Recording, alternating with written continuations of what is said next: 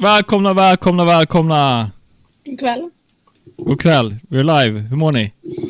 Bra. Själva? Ja. Nej, men jag mår bra. Det är snöigt och det var åska i natt också, så att, eh, jag vaknade lite, men det kanske inte alla gjorde. Det är Ehm, fantastiskt med mig, Martin. ja, bra. uh, har du Becka med? Ja. Eh, Så vi, vi, vi kan ju också nämna för de som tittar att vi har matchat med, med kepsar här. Så att, eh, Mm. Mm. Väldigt organiserat. Vi pratade inte innan heller. Nej, faktiskt inte. D'Artagnan... Eh, ja, jag kommer inte ihåg det. ja, men Varmt välkomna allihopa. Vi kör live som vanligt i Facebookgruppen. Vi pushar ut det på Spotify efteråt. Eh, tack till alla som är med och kollar. Tack till alla som är med och hjälper till ekonomiskt. Och ni som är med i gruppen, är bara hoppa in och kör kommentarer. För vi kör live och vi kommer se era kommentarer, eller frågor eller påståenden som ni kan reagera på när vi kör våra grejer i studion. Ser vi det. Rock'n'roll. Uh, det blev ju sista racet igår och eh, det blir ju sista racepodden vi kommer köra för i år i alla fall. Hur känns det? Så det är väl lite bitterljuvt. Vad ska man göra med sina måndagar nu? Exakt. Sina söndagar kanske. Jag vet. Nej, men det är, det är väl som alltid. Det är skönt att säsongen är över på ett sätt. För nu är det klart och nu vet vi hur det slutade. Liksom. Men samtidigt så, så kanske det blir lite tomt. I synnerhet söndagen som kommer därefter. Liksom. Mm. Det, det här markerar ju också slutet, alltså säsongsavslutningen för den mesta motorsporten. Så det finns ju liksom inte så mycket att ersätta det med om man säger så heller. Så nu är det officiellt lågsäsong. Liksom. Det finns väl lite annan sport man kan kolla på, men gillar man bara motorsport så är det ju svårt. Mm. Ja, precis. Jag ska dra upp det lite. Jag har lite Mm. saker vi kan ska kolla, hålla koll lite på, men... eh, nej, det var lite vemodigt. Uh, jag tycker det var ännu mer vemodigt att se Vettel sluta, men det ska gå hon bara in lite på. Det var till och med så pass stort så att TV4 i morse rapporterade på Nyhetsmorgon att Vettel slutade eh, köra Formel 1. Det tycker jag var lite stort. Eh, Och det var bara det reportagen. De rapporterade liksom ingenting om mästerskapet eller någonting, utan det var bara det att Vettel slutade köra. Det var Mm. jättefint. Intressant. Men det är lite kul när så här, gammal media plockar upp också. Ja, faktiskt. Intressant. Inte bara ny media som vi. Intressant val av nyhetsrapportering måste jag ändå säga. Från. Ja, det var ingen annan motorsport. De nämnde inte ens Kåsan, för den var ju i helgen också. Vi ska vad ska vi prata om idag?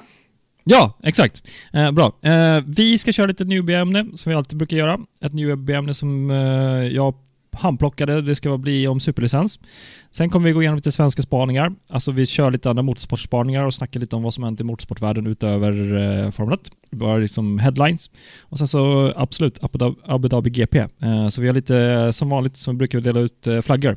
Grön flagg, gul flagg, röd flagg i, eh, ja, ni fattar syftet med dem. Eh, grön flagg är bra, gul medium, rött. Sen har vi aldrig delat ut en svart flagg tror jag heller. Men det kan vi göra. Om det är någon som verkligen ska bort från griden. Liksom. Men eh, jag kanske ska börja och dra newbie-ämnet. Mm. Ska jag göra det? Så vi har Yes. lite, lite... Det dök upp. Eh, newbie-ämnet dök upp faktiskt för att vi hade eh, idag, om jag minns rätt, fick vi den final griden, alltså den slutgiltiga griden inför 2023, vilka som ska köra. Ehm, och det berodde på att vi hade en förare i griden som skulle in till griden 2023 som eh, inte riktigt än hade fått klar, klart sin superlicens förrän nu, typ i helgen. Det var Logan Sergeant. Ser, Sergeant? Sergeant? Sergeant. Sergeant? Tack. Mm. Tack så mycket. Logan i alla fall. Eh, han förklarade sin superlicens och då tänkte jag att vi drar upp lite. Vad är en superlicens och vad är det som det krävs för att kunna köra i Formel 1? För att de kunde ju inte, kom, de kom ju inte, kunde inte signa honom förrän, eh, eller gå ut med det förrän. Det var därför det var så sent med Williams-platsen. I alla fall. En superlicens eh, består av sex stycken komponenter. Jag ska försöka dra dem. Det är engelska, häng med. A minimum age of 18 at the start of the first Formula 1 Grand Prix, alltså competition.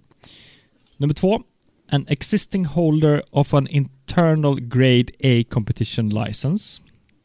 Och grade A, det kan vi spekulera lite om. Det har inte jag 100% koll på, men jag tror det är från Formel 2 och Formel 3. Uh, eh, nummer tre, a holder of a valid driving license. Uh, vilket, den är också ganska ny. För att det hade inte Max Verstappen när han började köra. Jag tror han var 16.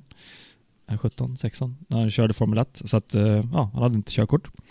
Eh, nummer fyra är passing of an FIA Thor theory test on knowledge of the FI Formula 1 sporting codes and regulations when applying for the first time. Så man måste passera ett eh, teoretiskt test. Nummer fem. Completed at least 80% of each of two full seasons of any of the single-seater championships reported in supplement one of the regulations. Ja, du måste köra en underserie kan man säga. Nummer sex. Uh, accumulated at least 40 points over the previous three seasons in any combination of the championship reported in supplement one of the regulations. Så du måste ha fått visst antal poäng under av eh, nedanstående serier till Formel 1. Super, jag- Superlicenspoängen är ju superintressanta. Mm. Vad menar du då? Vad tänkte du? Nej, men tävlar du i till exempel V1 Supercars i Australien så får du superlicenspoäng. Tävlar du i Deutsche Tourenwagen eh, Championship, jag vågar inte uttala allting sådär rätt, så får du superlicenspoäng. Kör du Le Mans får du superlicenspoäng. Får du köra Indycar får du superlicenspoäng. Om du placerar dig tillräckligt bra kör Nascar så får du också det. Mm. Så det är, det är väldigt många serier. Även om du kör eh, världsmästerskapen i karting så får du också superlicenspoäng. Mm. Så det är inte bara Formel 1, Formel 2, Formel 3, Formel 4, liksom, av de där. Ja, det finns många vägar till Formel 1. Många vägar till Rom, om man säger så. Ja, jo, men du måste ju fortfarande köra någon av eh, de sanktionerade single-seater-serierna såklart. Men, eh, Exakt. men poängen kan du ju samla ihop lite här var. Liksom. Mm. Ehm, så det är väl typ så det ser ut och det krävde liksom en, någonting som måste gå igenom och det var därför det tog en, en tid med Logan, för att han började få in de sista poängen av underliggande serie innan de kunde liksom gå ut med... De hade säkert någonting signat och klart. Eh, att eh, så fort du har poängen klara, vilket han behövde från sista racet, så kommer du kunna hoppa in i Williams. Ja, du får ju inte poängen först säsongen är över. Ah, ja, okej. Det är så det funkar. Ja. Yes. De reggas inte på kontot förrän ja, saken är klar. Eh, nej men det är väl det om ett newbie-ämne. Ni får ju hoppa in och eh, kommentera och fråga om det är någonting som är lite oklart kring det och just om Logan. Jättemycket som är oklart kring det där. Ja det är det. Men vi, vi ska inte ägna hela podden åt att snacka. Men har vi koll på om det är någonting att man liksom, för att om jag förstår det rätt så det finns ju säkert de som uppfyller kraven just nu baserat på att de har nog med poäng och liksom har allt som behövs. Men det här liksom teoretiska testet som man ska ta då, är det liksom, tar man bara det ifall det är en F1 liksom på väg eller kan man ta det när som helst när man har uppfyllt de andra kraven? Eh, det var en jättebra fråga. Det vet jag faktiskt inte. Eh, jag eh, vill bara spekulera om att det gör man när man har en, en körningsstyrning på gång i Formel 1. Jag Då skulle säga att det, det är klart att du har en superlicens redo som är uttagen och sådär. Så, ehm, så kan du få en styrning när det finns en möjlighet. Hylkenberg Mm. till exempel som hoppade in och täckte för Vettel. Kan det ha varit det? Mhm. De Vries som hoppade in och täckte för någon på, Monna, nej, vad heter det, på, på Monza. Mm. Hade de inte haft superlicens då, då är det så här, okej, men då får vi ta nästa person som vi kan hitta. Får jag bara avbryta dig med en fråga då? Varför vet du att det var just Hylkenberg som täckte upp för Vettel på ett, på ett race? Eh, för att jag sa fel i podden. Och så gick jag Ja. tillbaka och tittade. Eh, Okej. Kritiserade mig själv där. Och, och, och att du hade fel på quizet tidigare i veckan också. Nej, det var, en, det var... Nej, det har inte med det att göra. Okej. Var, var, den, var den frågan på samma sak verkligen? Ja. Det var vilken förare som täckte för Vettel i början av säsongen. I'm gonna pee in your seat. Ja, ja men exakt. Men det hade jag ingen koll på att han hade sagt det. Ah, Okej, okej. Mm. Ehm, Ja, för, precis. Det var det vi... eh, Äh, ska jag göra lite reklam för det? ja. Jag byter ämne. Förlåt att jag still the show här Jonas, men vi var ju Jag på var. Okej, bra. Vi var ju på ett quiz eh, på Kappa Bar. ehm, som också du har på din tröja, Jonas. Mm. Ehm, Nej, där. Ja, exakt. och... Eh, nej men vi, det är vi glada i hågen kom vi dit. Och tänkte att nu blir det här för ett quiz. Det här kommer bli jobbigt för att det är folk som säger åt oss i entrén att ni kommer ju placera er, placera er högt så det fanns ju någon slags rummet av förväntningar. Jag sa till dig Martin att nu vinner vi det här. Ja, det sa du. Det eh, gjorde vi inte. Eh, Mm. så att, eh, Vi var nära, Alltså- men det räckte inte riktigt.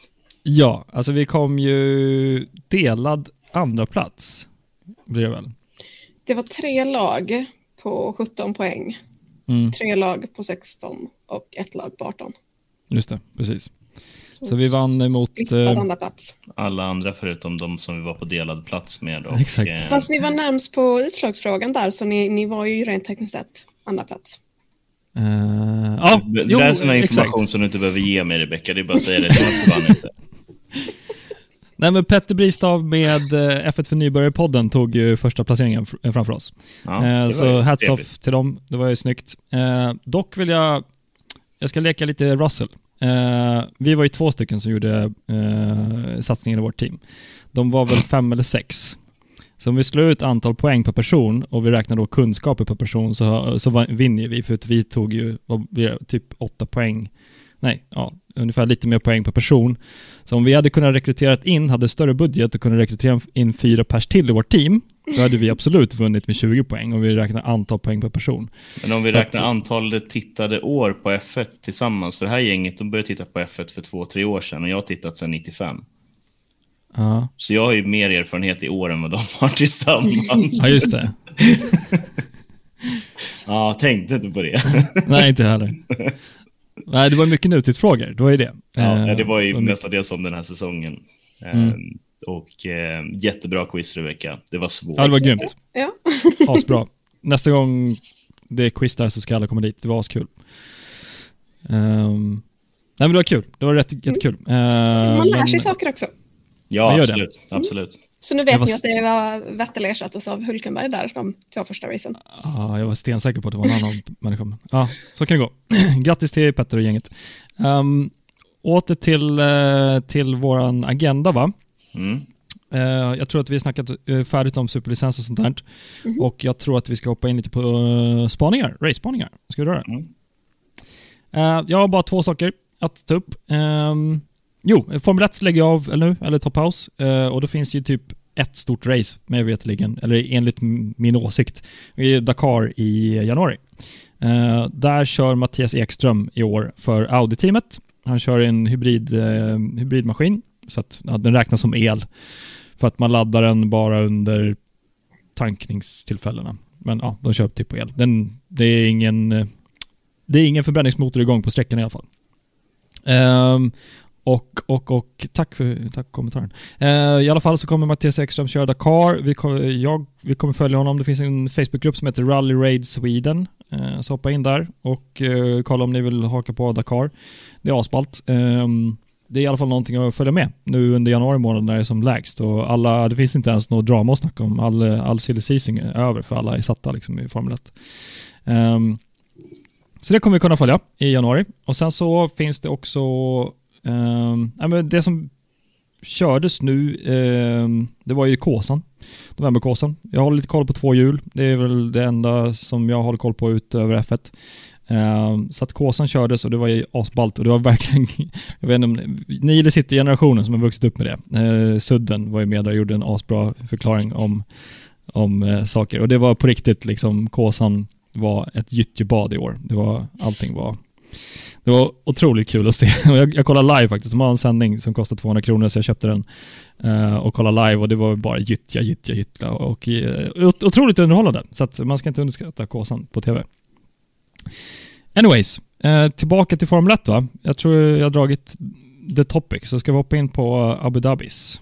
Ja, Jag har lite svenska spaningar också. Ja, ah, kör, kör. Med tanke på att jag kommenterade SM i virtuell bilsport igår. Ah, som är planerat exakt samtidigt som F1 ja, säsongfinalen. Mm, ja, men det där det, det får du lägga på Niklas. Det, är, um, Ofantligt bra planering. det var Fick ni i alla lite fall knappt. ha igång racet i bakgrunden? Nej, såklart nej. inte. Man fick sitta på telefonen så här om man ville se det.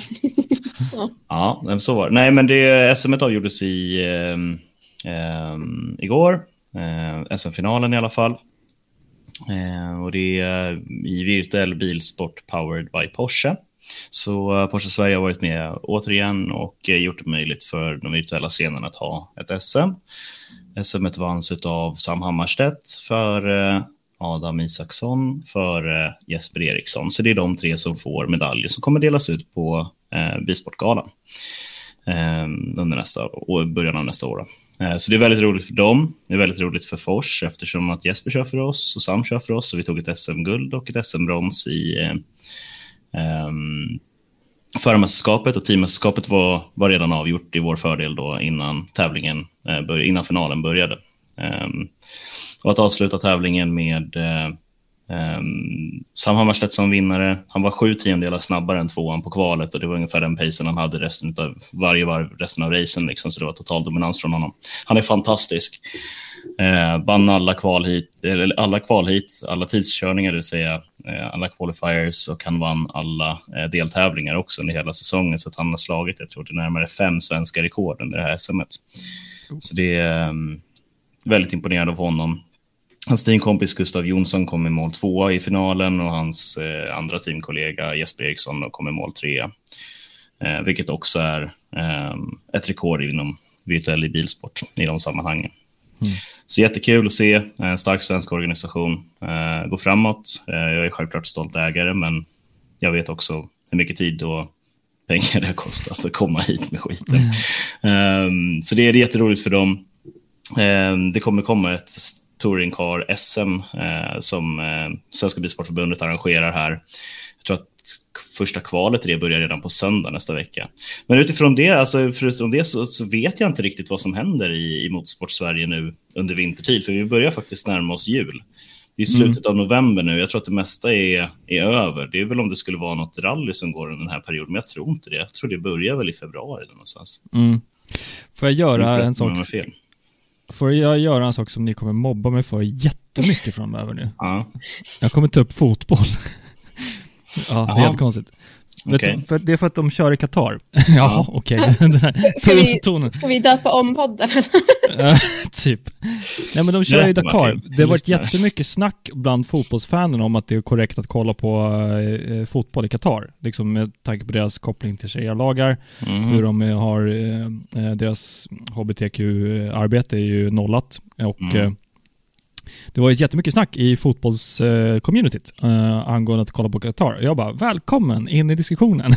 Vi som kör form, kollar på Formel 1 har ju snackat om det här i typ år. Uh, så att det har varit väldigt konstigt. Och det som slog mig idag är att det tråkigaste med att fotbolls VMet, eller, ja, VMet nu är lagt på i november är att man inte kan ses och kolla på fotboll med polarna. Det är, liksom, det är en social grej. Det tycker jag är jättekonstigt, apropå att allting är över nu med både motorsportracing och nu kommer fotbollen mitt på vintern och man ses inte och kollar inte på det heller. Så att, apropå liksom att allt, allting pausas på ett konstigt sätt nu och planeringen är bara konstig. Så det, ja. så jag, jag, tror att Kappa Bar visar fotbolls-VM, så att... Eh... Ja. Varför då? Varför inte? det är en e-sportbar. Fotboll är inte en e-sport. Nej men vadå, de har ju fotbollslicens så det är väl bara att visa liksom. Ja. Har man köpt det så har man köpt det av en ja. anledning. Jo, men ja. precis. Ja, men alltså, det, det är ganska liknande målgrupper egentligen. Alltså, det är väldigt många som kollar på e-sport som också kollar på fotboll och det finns väl en hel del fotbollsfans som också kollar på e-sport. Så att... mm. Nej, men för, för att bygga en brygga där, Martin. Eh, Petri Dystopia eh, i sitt senaste avsnitt pratade lite grann om eh, sportswashing. och där ja. nämnde man då Bernie Ecclestones beslut att börja köra i Abu Dhabi, mm. vilket också är kvällens ämne. Uh, men det, när man nämnde det lite snabbt, liksom, så ja, men Formel 1 bara håller på med sådana där grejer. Liksom. Uh, mm. Och gav ingen vidare analyser, utan man fokuserade mestadels på Fifa och fotboll och sådär. För jag antar att det var väl det som låg närmare producenternas intresse uh, och erfarenhet. Men det är ju ganska så dyrt att bygga en racerbana och dra hit dit F1-cirkusen. Jag menar, bygga en fotbollsarena, ja, det kostar jättemycket pengar. Sure thing. Mm. En F1-bana är tre gånger så stor. så det är så här, mm. eh, det är bara att titta på de priserna där och, och jämföra. Men, och det är inte alla som kan, kan göra det, men de hade en ganska bra analys i slutet av avsnittet i liksom varför stora sportevenemang hamnar i den här typen av länder. Det är mm. jättesvårt. Alltså, så här, det finns en argumentation att det bästa sättet för att vi ska flytta eh, stora sportevenemang till demokratiska länder, det är om vi har godkända arenor för att göra det och godkända och tillräckligt med logistik för att kunna hantera det. Självklart mm. skulle vi kunna köra F1, F1 med F1-tävling i Sverige. Antingen så rustar vi upp Anderstorp eller så bygger vi Viking Park i, i Enköping. Mm. Men då handlar det om att någon kulturminister ska gå ut och säga till svenska folket att nu kommer vi lägga två miljarder på att bygga en motorsportarena i Enköping. Exakt. Och vi kommer bygga hotell som kommer stå tomma majoriteten av året. Men de gångerna när vi har stora evenemang här kommer de vara fulla och då behövs de. Eh, och det är väldigt svårt i en demokrati att göra det. Ehm, Det är jättesvårt. Jag tycker den poängen i Peter Dystopia, alla borde lyssna på den. Eh, Den poängen de har är att liksom, när man har en diktatur så är det ingen bland befolkningen riktigt som ifrågasätter vart pengarna går, utan de har inte mandat att göra det. Men när man har en demokrati så blir det en helt annan, då folket får inte sina pengar. Det, varför ska de använda mina pengar till att bygga ett hotell som står tomt som du säger? Eh, Så det är ju därför så blir det ännu mer kudos till den personen som fick till eh, Anders Anderstorp Formel 1 eh, Scandinavian Raceway. Fyra år, fyra, fem år på raken tror jag. Jag har glömt hans namn tyvärr, men jag hade post, det var också med på quizet, Martin. Ja, ja var den kördes ja. Det kunde jag. Jag Ja. har glömt, glömt personen vad han hette som drog igång det där i Sverige. Men det har jag postat om förut. I alla fall. ehm, det är ju därför det blir enklare att arrangera stora eh, race-spektakel i diktaturer. För att de har ju, du pratar med en ledningen i det, det landet så säger de ja det är okej. Så de har inget ansvar mot folket på samma sätt. Det är ju en Ehm. perspektivfråga. Alltså, I en demokrati så är det skattebetalarnas pengar som ska användas. I en monarki så är det, allting är kungens pengar, så det spelar ingen roll. Kungen gör vad kungen vill med sina pengar. Ja. ja, vi har en prins som kör i alla fall bilracing. Ja, men han har inte råd att bygga en motorsportarena vi kan köra F1 på. Nej, kanske inte. I don't know. Jag har inte kollat hans konto. Men det som också de kom fram till i Dystopia-podden, eh, vilket jag tycker var briljant, för det har inte jag riktigt tänkt på förut, är att hur vi än gör, eller hur än, än ett land som kör sportswashing som Qatar eller Abu Dhabi gör, så kommer det faktiskt skapa en diskussion om landets värderingar. Så du kommer ju inte bort ifrån faktumet att de som tittar på sporten och tittar på landet faktiskt tittar också upp hur landet är drivet och hur det funkar i det landet. Så det är ju omöjligt för någon att köra en sportswashing för där kommer ju man... Jag har ju blivit ännu mer uppdaterad om hur det ser ut med sharia-lagar och Qatar och Abu Dhabi och alla de här länderna, hur de faktiskt funkar nu. Hur mycket kopplade de är. Och det är mig veterligen så är det just inte i Abu Dhabi och Qatar eh, sharia-lagar utan det är Pakistan och två länder till som har sharia-lagar som har det, det som sin bas. Men sen så har du fortfarande sharia-lagarna i, i stöd av resten av sin, sin legis, legistiva, jag kommer inte ihåg vad det heter, ja, sin hela lagbok. Men det är i alla fall, min poäng är att man får mer kunskap om landet när, när de försöker köra sportswashing och ännu mer kan man ha starkare åsikter om att de är dåliga då. För då vet man ju liksom.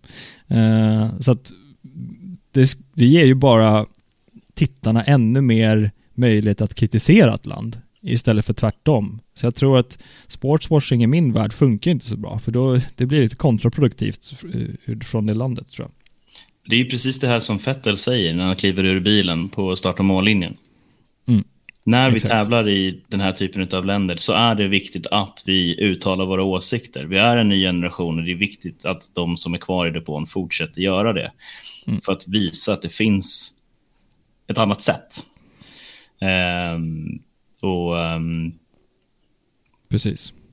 Och det var Det lite binder tråkigt att oss- se att... det binder oss vidare in på, på själva racet. Liksom. Men, eh, Mm, men han använder precis samma, vad ska man säga, han har samma tes. Att det, vi kommer dit, visar vad vi gör för någonting. Men det är inte bara det. Tittar du på läktarna på Abu Dhabi eh, så, så är det väldigt europeiskt.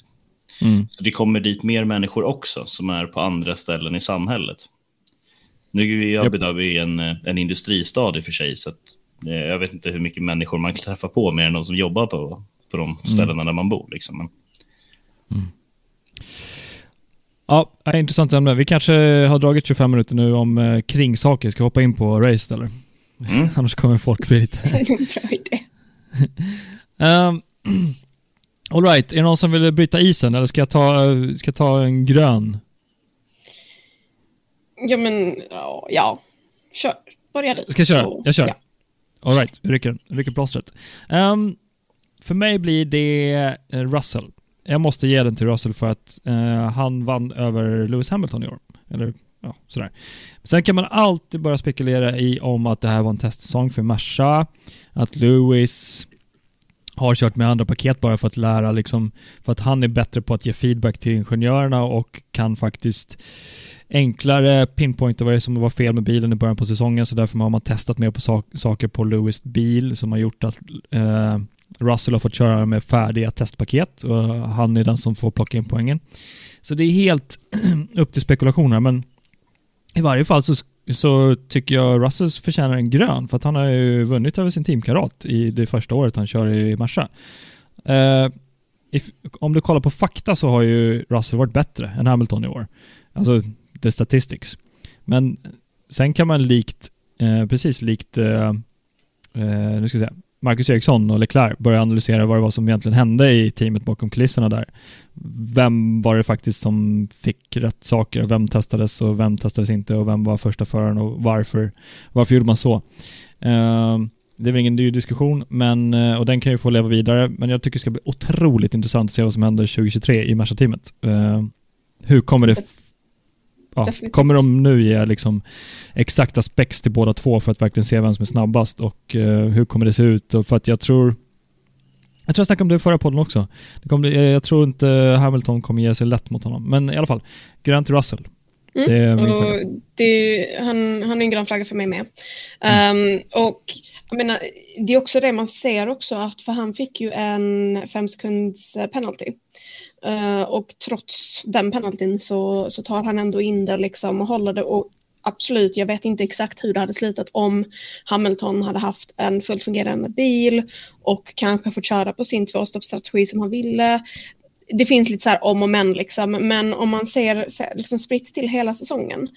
Um, Russell hade i, han hade sin första DNF i uh, Silverstone Mm. Och sen hade han, han kom på 14 plats i Singapore och 8 i Japan.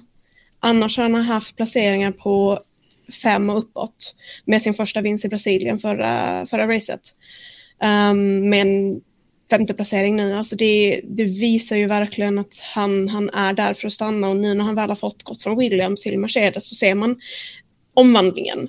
Uh, och han slutade fjärde plats nu i, eh, i eh, driver standings. Så att, um, han, han är ju verkligen liksom en förare av kaliber och har det som krävs och med Mercedes bakom sig så tror jag definitivt att, för jag menar, jag vet inte hur många år Hamilton har kvar men Russell har ju några år kvar till och jag tror definitivt att han kan vara en contender för, eh, för mästerskapstiteln om några år. Mm.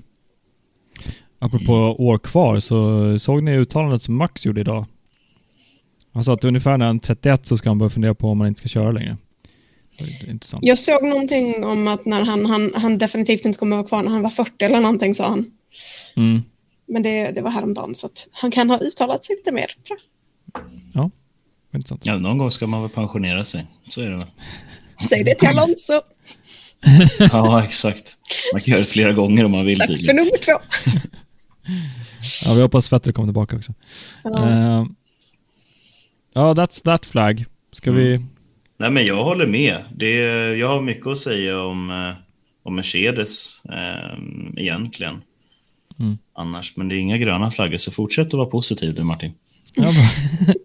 Live on, on a prayer. Um, ska jag dra en till grön då, eller vill du hoppa in med någon? Vill ni hoppa in med någon? Jag kan skutta in med, med en av mina. Jag har en grön mm. flagga till, till Norris. Mr mm. Seventh Place. som nu blev uh, sexa för att Hamilton uh, fick en DNF. Men um, alltså, han, jag, tycker rent generellt, alltså, han, han visade väldigt mycket löfte. Liksom, vad är det, hans tredje säsong nu tror jag. Mm. Um, och han har ju presterat relativt bra, men just det här att liksom han, han har kommit uh, sjunde plats i, um, i, i, i årets uh, säsong. Um, och det man kan se också att alltså, Norris tror jag ligger, där ligger liksom ribban för um, det under och det övre lagret. För att Norris hamnar på 122 poäng. Sen är det nä, nä, näst upp till Hamilton i 240. Mm. Och under Norris är det 92 för, för Ocon. Så att, och det ser vi också i racen. Det är oftast Norris som ligger först i liksom bottenskiktet och eh, ganska långt bakom, eller liksom sekunder bakom eh, de liksom, toppskiktet på, på banan. Eh, men jag tycker det, det är kul som Norris-fan att få se att han faktiskt liksom presterar bra. För jag tror att han fick ju inte poäng sin första säsong och andra säsongen var det kanske inte nog. Eh, och nu så har han ändå lyckats få hem lite för McLaren. Mm. Så det är kul att se. det är med. kul att se. Jag har en grön till honom också av precis samma mm. anledning. Och jag menar, det är, så McLaren är best of the rest. Um, det är precis där de ligger. Jag menar, vi har de här tre teamen som är snabbast Red Bull, Ferrari, Mercedes. Det är de som har, har vunnit race i år. Eh, sen har vi de som inte har gjort det. Norris har en podium dock, men det är, men det är han ganska ensam med dem. Um, och, um, men, men, han är sjua i mästerskapet och Ricciardo är elva. Och han har mm. spöat Ricciardo. Ricciardo är ingen dålig chaufför. Um, så det, det ser ljust ut för Norris tycker jag, men det är Eh, jag vet inte riktigt vart han skulle kunna avancera ifrån McLaren, utan i det här läget så handlar det väl om att försöka växa med McLaren. Eh, för McLaren har också tagit några steg framåt. Det var ju några år sedan där de var i princip sist. Eh, och det träsket har man lyckats liksom kravla sig ur nu. Ehm, Ja, men de, de, låg, de, har ju, de har haft en liksom så här toppsäsonger ett tag och sen glidit ner ganska hårt och nu är de på väg tillbaka upp igen och ligger någonstans där i mellanskiktet. Uh, och det, jag tycker det är kul att se också, det ska bli intressant att se hur, för det är Piastri som ska köra nästa säsong, mm. hur Norris och Piastri liksom som ändå två relativt unga förare, uh, Norris börjar väl bli lite mer liksom inte veteran men mer erfaren och Piastri helt liksom rookie. Um, för att alltså McLaren, det känns ju som att de har ju fightats en hel del, framförallt liksom nu mot alpin, eh, tidigare Renault. Liksom. Uh, så det ska bli spännande för nästa säsong att se hur det går. Ja, verkligen. Det ska bli kul att följa. Jag försökte göra en analys snabbt i mitt huvud om Ricardo alltid har varit andra föraren i de teamen han har kört i. Så det har varit lite han var i alpin, jag kommer inte ihåg mot vem då. Jag försöker hitta en förklaring varför Ricardo kommer så långt efter sin teamkamrat. Uh, han körde samtidigt som Max i Red Bull. Då var han absolut inte första förare. Uh, han köpte, körde sen i alpin. Då minns jag inte från the top of my head vem han körde med. Och nu när han kör i McLaren så är han inte första förare, utan det är Norris. Men när han körde i Renault så var det väl Hulkenberg? Så kan det ha varit, absolut. Um, jag undrar om Hülkenberg var först. Jag vet inte. Det känns faktiskt inte som att eh, Ricardo har faktiskt har inte, har inte haft så jättemycket bra förutsättningar för att få liksom teamsupporten på det sättet. Men det är ett stort annat ämne. Jag ska inte ta upp för mycket av det från våra flaggor kanske. Mm. Um, bra flagga. Ska jag växla med en? Eller vill du ta den Jonas? Eller ska jag ta? Ja, jag har ett gäng här. Ska jag Kör. Ja, mm. nej men um vi drar väl igenom de röda, rödgröna. Det beror lite grann på hur man tittar på det. Jag vill ge Stroll en röd flagga. Han är 15 i mästerskapet till slut. Han har tagit alldeles för få poäng jämfört med Vettel. Det är ganska stor skillnad i erfarenhet mellan dem, men Stroll har varit det för cirkusen ett bra tag nu. Mm. Ehm, och um, detsamma gäller Joe och, eh, och Bottas. Jag menar Bottas P10, eh, Joe P18. Um, det, det, det är för stora skillnader inom teamet. Jag menar 12 till 15, ja men där kan man argumentera att det är ganska nära varandra. Men det är en Haas-bil och en Alfa Tauri som ligger emellan. Eh, Aston Martin-bilen har påvisat att den har rätt så mycket fart ändå eh, jämfört med de här bilarna. Så eh, det... Eh, slå, slå vad heter det, linjal på fingrarna till Stroll, eh, men även till Joe då. Mm. Jag, tror, alltså, jag har ju nämnt Stroll ganska många gånger under, under säsongen mm. också. Just att han har ett ganska farligt sätt att köra på. Och han har varit involverad i uh, lite lättare incidenter skulle jag vilja säga. Liksom, den absolut största var väl där i, var det, var det Austin? Um, med Alonso. Uh, och det är ju det är också därför Stroll sitter på liksom, podium för mest uh, penalty points också. Mm. Det är lite tråkigt att... Vad ska jag säga Jonas? Martin? Ja, eh, lite tråkigt att eh, vi faktiskt... Eh, vi, alltid, alltid kommer det vara någon på griden som är sämst. Det går ju, så är det ju bara. Eh, statistiskt i alla fall. Och eh, det är lite Men, tråkigt men det de, de har vi inte pratat om än. Nej, okej. Jag kommer dit. Men eh, snabb analys bara. Det kommer ju alltid finnas någon som är... Det har funnits Crashtappen, det har funnits Maldonado, det har funnits eh, alla, alla, alla år finns det någon som kraschar mest och det är ju tråkigt. Men ah, ja, eh, det är i alla fall ingen som har hunnit bli avstängd. så att, eh, Än så länge. än så länge on the edge. ska, ska jag dra en till grön eller? Jag är så Mm. positiv. Mm. Verstappen! Eh, det är bara hats off till honom. Eh, han har gjort en enastående prestation i år. Eh, han har vunnit mästerskapet och han, eh, han var bästa föraren i år. Eh, absolut kan vi börja diskutera om hur snabb Red Bull-bilen är. För det är den. Det är designad av Adrian Newey och han, han behöver ett par år i ett nytt reglemente oftast. Fast nu satte han faktiskt the ballpark, liksom slog bara bollen ur eh, arenan. Men det har jag gjort förut, vissa andra tidsperioder, när Vettel körde till exempel. Han har varit otroligt bra på att sätta... Om man läser hans bok How to build a car med Adrian Newey så fattar man hur mycket han byggde in. Han, han säger, alltid det var en built-in advantage som han fick till i början på säsongen med när Vettel körde i Red Bull. Tillsammans med det och Max Verstappen eh, som förare så Sen kan man ha hur mycket åsikter som helst om hans attityd, hur han behandlar andra, vad han, vad han har för holländsk jargong och hur den kulturen skiljer sig mot andra kulturer.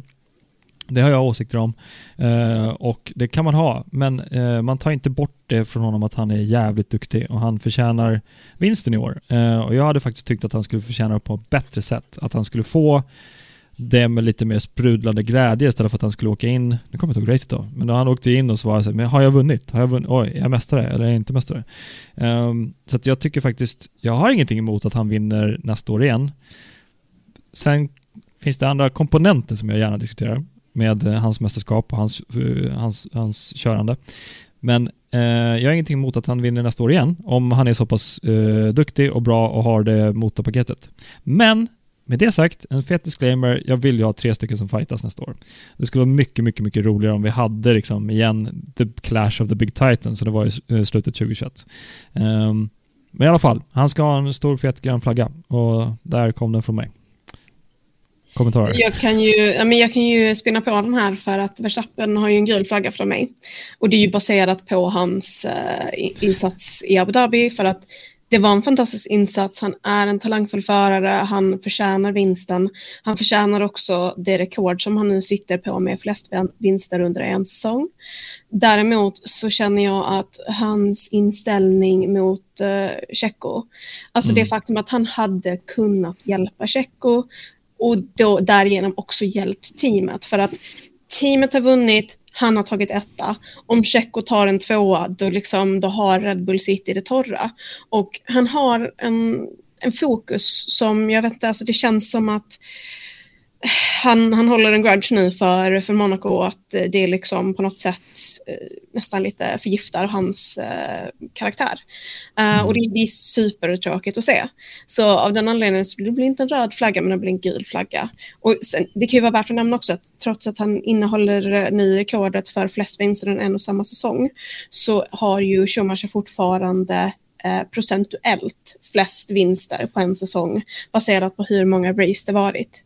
Så mm. att det beror på lite hur man ser det, men han toppar i alla fall den listan nu, vilket är, är kul att han fått sitt, sitt första rekord. Jättebra att du säger. Det var det, det jag tänkte. Eh, jag har analyserat det fel. Jag trodde faktiskt att eh, Max tog Schumachers rekord procentuellt, men det kanske ligger kvar. Eh, när jag hade min gröna flagga på Verstappen så nämnde jag att det finns vissa komponenter som jag gärna pratar vidare om. Och det är precis den komponenten du nämner. Mm. Det finns en, en, en, en... Hur ska jag uttrycka mig på ett schysst sätt? jo, men det finns, eh, det finns ändå... I, I vissa fall så dyker det upp en en känsla från Max att jag ska faktiskt, eh, jag ska faktiskt regera det här trots att det finns ett ordspråk att eh, man dömer ibland en persons karaktär utefter hur den behandlar människor som inte kan rå på en. Och Perez kunde inte rå på Verstappen på något sätt. Eh, mm. Man kunde faktiskt liksom, eh, ah, vad ska man säga, man kunde släppt ner garden. Han kommer ju vinna ändå. Så att eh, det, ja, jag håller med om din analys. Liksom. Ja, för jag menar, han, man, alltså, vi har ju radion där Max säger tell eh, checkout och full send. Och det är så här, absolut jättekul att han liksom boostar, men, men just det här är att those are words not actions. Och han har verkligen inte visat att han menar det. Eh, men det, det är kul att du nämnde, för du nämnde väl Vettel där också, för att han har ju samma rekord som Schumacher för, för det är 13 stycken vinster under en säsong. Däremot var Schumachers eh, säsong han vann den under var under 18 race och Vettel hade 19 race. Så att Vettel ligger ju på en vinstprocent på 68,42 och Max ligger på 68,18. Så det är mer i nivå med Vettel, eh, medan Schumachers rekord är på 72,22 procent. Mm. Jag har jämfört Ja, det- de två tidigare i podden. Mhm. Nej, men det är, Red Bull gör en fantastisk säsong. De gör ett bra sista race också. Det är mm, absolut helt okej, men det leder ju inte till att det blir 1-2 i förarmästerskapet till Red Bull, tyvärr, eh, för dem. Ehm, men eh, desto roligare för Ferrari att få en bil eh, som tar VM-silver i år, ehm, såklart. Men tidigare i veckan så rapporterade Motorsport.com att eh, FIA eh, jättegärna tittar på situationen om vad som hände i Monaco med Checo efter att den här nyheten liksom blossade upp efter, eh, efter Brasiliens GP. Ja, ska vi, vi kan Och, prata. Ja, nej, men alltså, då, då blir det så här, okej, men om du som teamkollega har en situation som, okej, men den här är lite shady, vi borde kanske tysta ner den. Mm. Sen rycka upp den och göra den superaktuell. Japp. Ehm, så pass mycket så att ditt team, din teamkamrat riskerar en poängbestraffning, ditt team riskerar böter. Hade jag varit hård i det läget, då säger okej, men så här mycket är varje poäng värt, det här tar vi från din lön.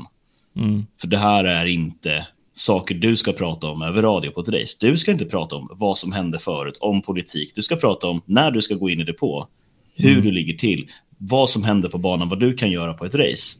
Allt annat, det är inte teamradions... Teamradion är inte forum för det. Nej. Synnerhet inte när den är lyssnad på. nej, nej, inte när allting går live liksom som det gör nu. Nej. Vad heter det? Nej, men det är ju... Jag tycker om man läser mellan raderna så har ju Max i vissa fall satt sig över teamet. Och han har ju känt... Det finns en otroligt intressant balans där. Marcus Ericsson jobbar så också. Ehm, Lewis Hamilton vet jag jobbar så. Vettel jobbar absolut så. Och det finns andra förare som gör det också. Men du, du har en möjla, möjlighet att informellt vara en ledare i ditt team och coacha dina, dina, ditt team. Och det kan du inte göra genom att ta formellt ansvar, det vill säga du har inte hire and fire decisions och du har ju inte, du har inte budgetansvar och du har inte strategiskt ansvar som förare. Men det du kan göra är att coacha folk och motivera folk åt rätt håll och bygga upp dem på ett sätt. Men du kan inte ta på dig eh, det finns en, på engelska heter det responsibility och accountability. Du kan inte ta på dig ett accountability för allting som händer i ett team som förare. Men det känns som Max försöker göra det ibland och säger att nej men nu är det jag som sätter riktningen för hur vi ska kommunicera om saker och jag säger åt er att ni inte ska få den här saken kommer vi lösa så här. Och det, det är inte riktigt eh, Alltså speciellt när F Formel 1 är en sån totalsport. Det handlar om att vinna på poängsystemet, på politiska arenan, på, på det sättet du kan få in sponsorer och, och också mot uh, din teamkamrat på banan. Uh, men det är det som jag tror han ibland går det att läsa mellan raderna, att han styr teamet på, på ett annat sätt än att vara influencer. Men jag tror också att det har lite med att göra med just att alltså han, har ju, han är ju både väldigt, väldigt intensiv och väldigt liksom fiery eller vad man ska säga. Men han har ju också levererat de här mästerskapen. Och jag tror att det kanske stiger honom lite åt huvudet. Och att, eh, för jag menar, vad kan Red Bull göra egentligen? Ehm, de kan bestraffa honom, men det kan ju han besvara med att liksom inte prestera. Så det, det är en sån fin balansgång, för jag tror att han vill ju fortfarande vinna, men det känns som också att han kan hämnas ganska bra om han nu känner att han behöver det. Vilket är lite synd. Mm. Ska, vi, ska vi gå vidare? Vilken annan, till grön Nej, men jag säga, på vilken annan arbetsplats hade du fått behålla jobbet när du håller på sådär? Absolut inte. Nej, jag, Alltså, det, det, det det, är en ganska relevant fråga, eller? ja, jo, jo. Mm. Det- Inte på den nivån. Nej. Jag tror att, eh, att, att ja, nej, ja, det, vi kan spekulera hur Horner... Han är en jätteduktig idrottsman. Fantastisk Ja. idrottsman. Ja, Ehm, Men- Ja, Horner, Det- Horner, Horner kan vi också prata om, för där... Ja, nej, vi... han är chef. Han Vi, vi, kan, vi, kan, vi, kan, vi kan släppa det. Red Bull gör ett bra race, de får en grön flagga utav mig. Jag tycker Ferrari gör ett hyfsat race, de får också en grön flagga utav mig. Ehm, det är den här situationen i början mellan Sainz och Lewis som jag inte riktigt uppskattar Lewis beteende i. Liksom, så här att, okej, men I den här situationen, ja, men, ja, du, får inte plats på utsidan. Och sen så gör man en regelrätt, ja men jag genar över här och sen så behåller jag min plats som att ingenting har hänt och så väntar jag på att Fia säger åt mig att nu ska jag släppa förbi.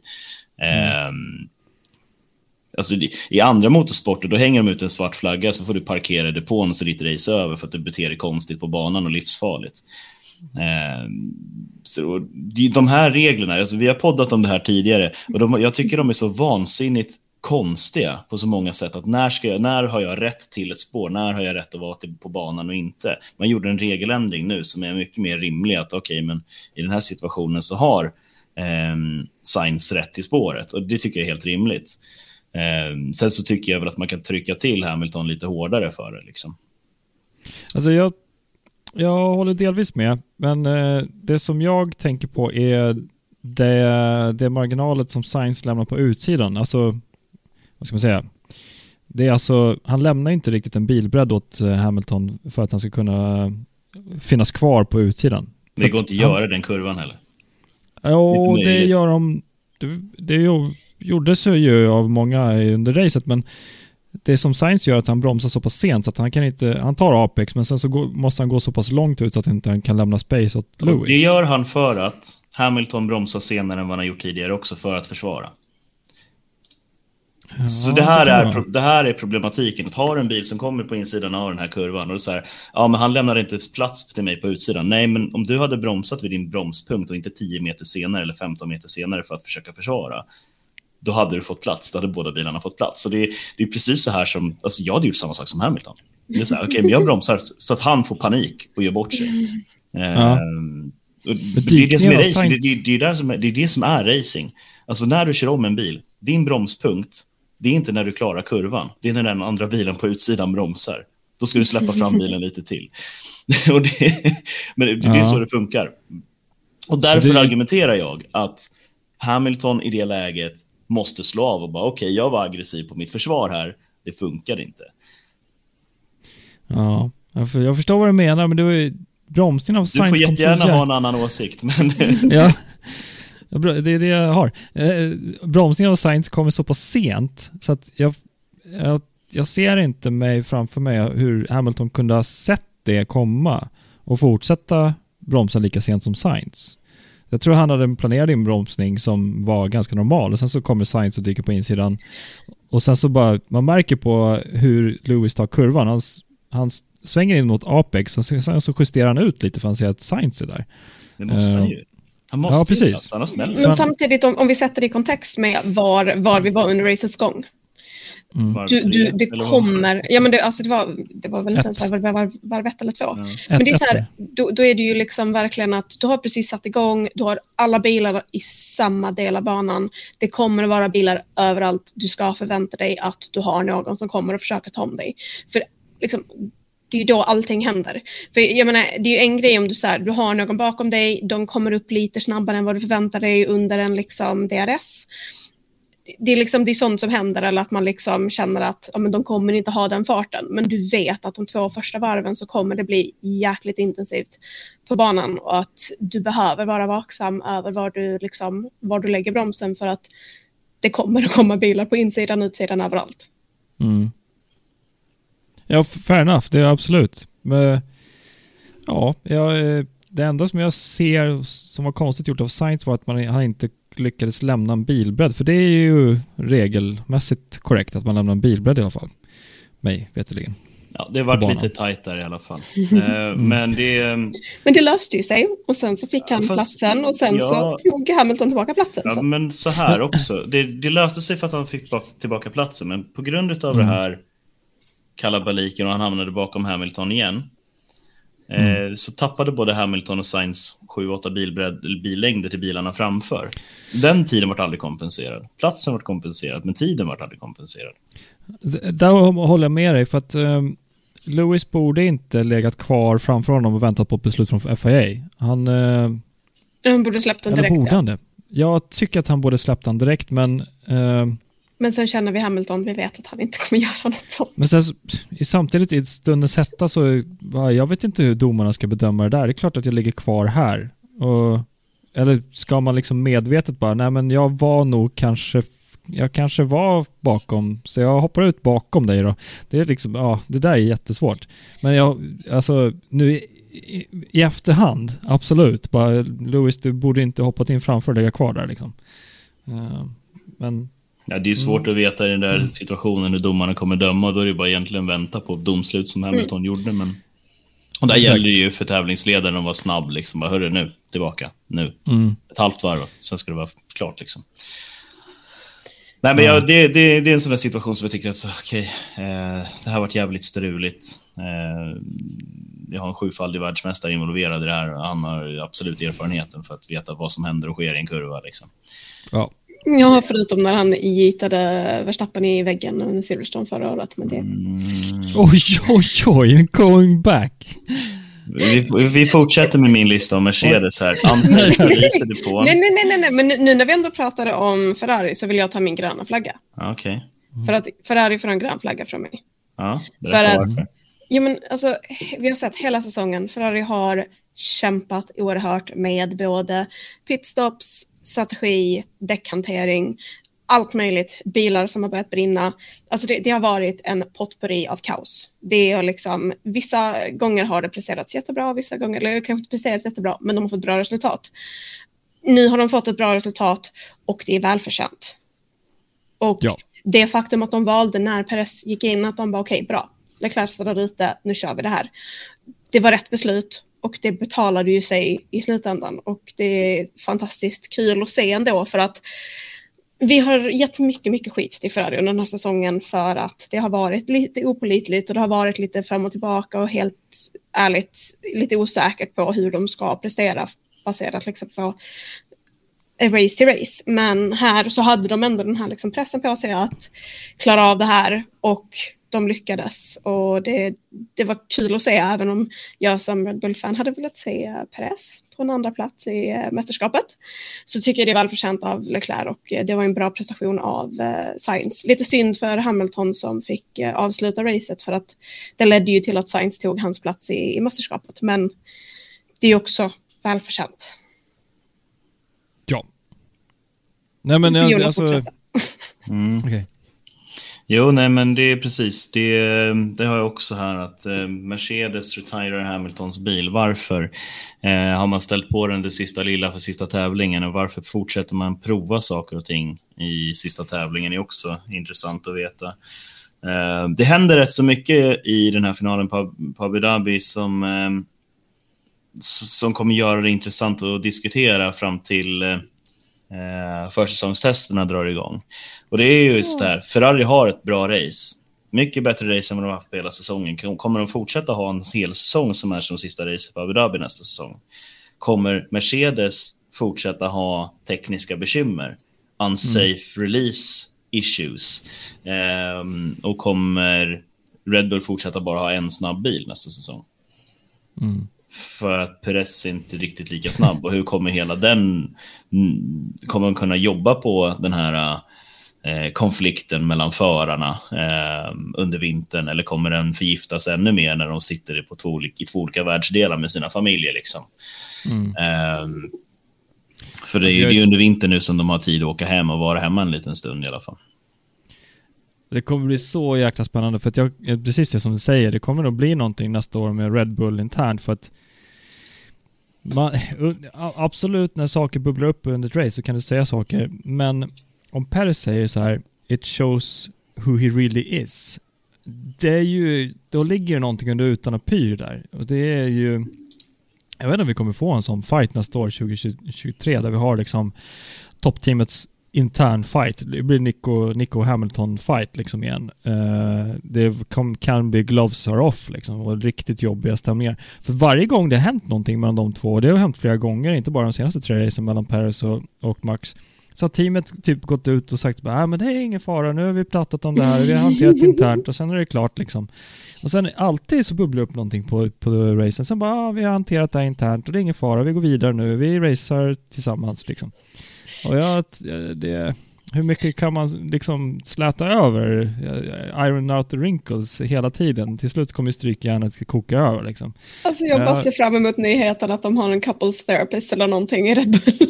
Ja, men det ja. har de ju. De har ju plockat in Ricardo som någon eh, kastpappa nu som ska försöka få hantera det här med leende på läpparna. Han har inte signat. Har han inte? Nej. Alltså Horner, nej vad heter det? Mac, nej, Mel, Mal, Helmut Marko har ju gått ut och sagt att eh, Ricardo ska bli vår tredje förare. Ja. Men eh, Horner gick ut på presskonferensen i torsdags innan racet och sa att ja, eh, Horner har sagt det publikt att eh, Ricardo ska bli vår tredje förare.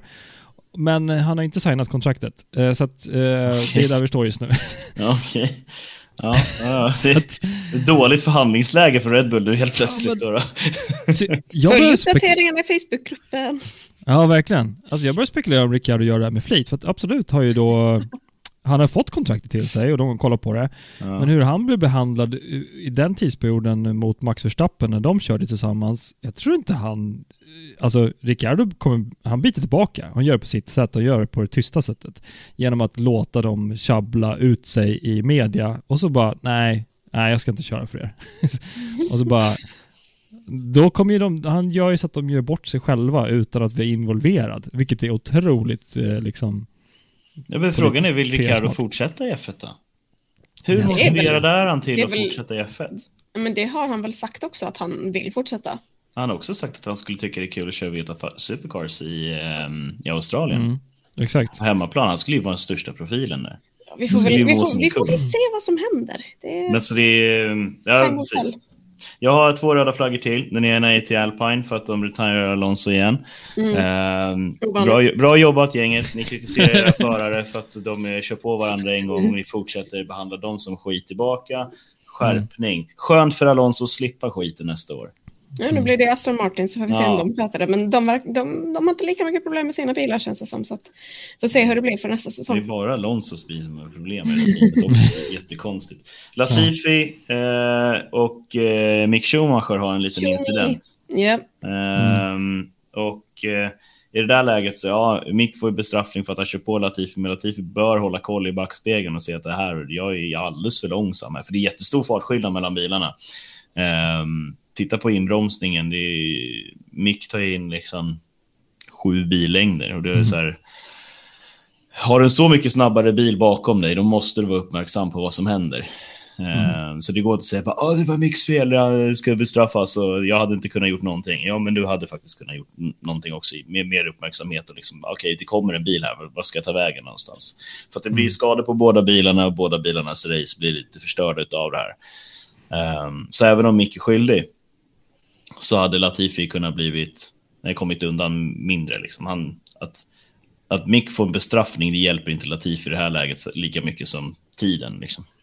Mm. Jag nämnde ju det när vi, när vi kollade på racet, men just det här att uh, jag tror att uh, de satt ju där i hasgaraget och kände sig ganska nöjda med att inte ha Mick nästa säsong när den hände. Stackars Mick alltså. Ja. Jag, jag, jag, jag, vill se honom igen, jag vill se honom, jag vill se mer av honom, men han behöver, han behöver mer tid. Mm. Han är inte så, redo. Så är, det. så är det med alla nya förare. Jag tycker han har gjort ganska hyfsat ifrån sig den här säsongen ändå. Mm. Nu får inte glömma bort att han har haft eh, Magnusen som teamkollega som är väldigt mycket mer erfaren än han själv. Så, mm. um, så är det. Så får vi se. Det, är, som, det går ju rykten om att han ska hamna som tredje förare och testförare för Mercedes. Eller?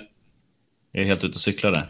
Mm, det har gått rykten om det. Jag har sett ja. det och hört det och um, ja, men det är inte, det, jag har bara fått en enstaka post om det så det är inget tyngre liksom. Det hade varit ett vansinnigt bra jobb för honom att kunna testa på fredagar, få tillgång till Lewis mm. Hamiltons data, jobba med Mercedes-ingenjörerna. Ehm, Ja. det är alltid roligare, du får alltid ut mer av att tävla själv så att säga. Men Det är en legend som kan joina ett legendariskt team. Förresten såg jag ju Niki Laudas son nu i Merca, i Merca stad. Det var skitballt. Herregud, ja. Men menar, om man, om man Ja. tittar till exempel, för jag menar Mick fick ju 12 poäng eh, och han ligger ju över uh, Tsunoda som också fick 12 poäng den här säsongen. Men kikar man till exempel på Tsunoda så fick han ju uppemot vad var det, 30 plus poäng förra säsongen och han hade ganska bra rookie season.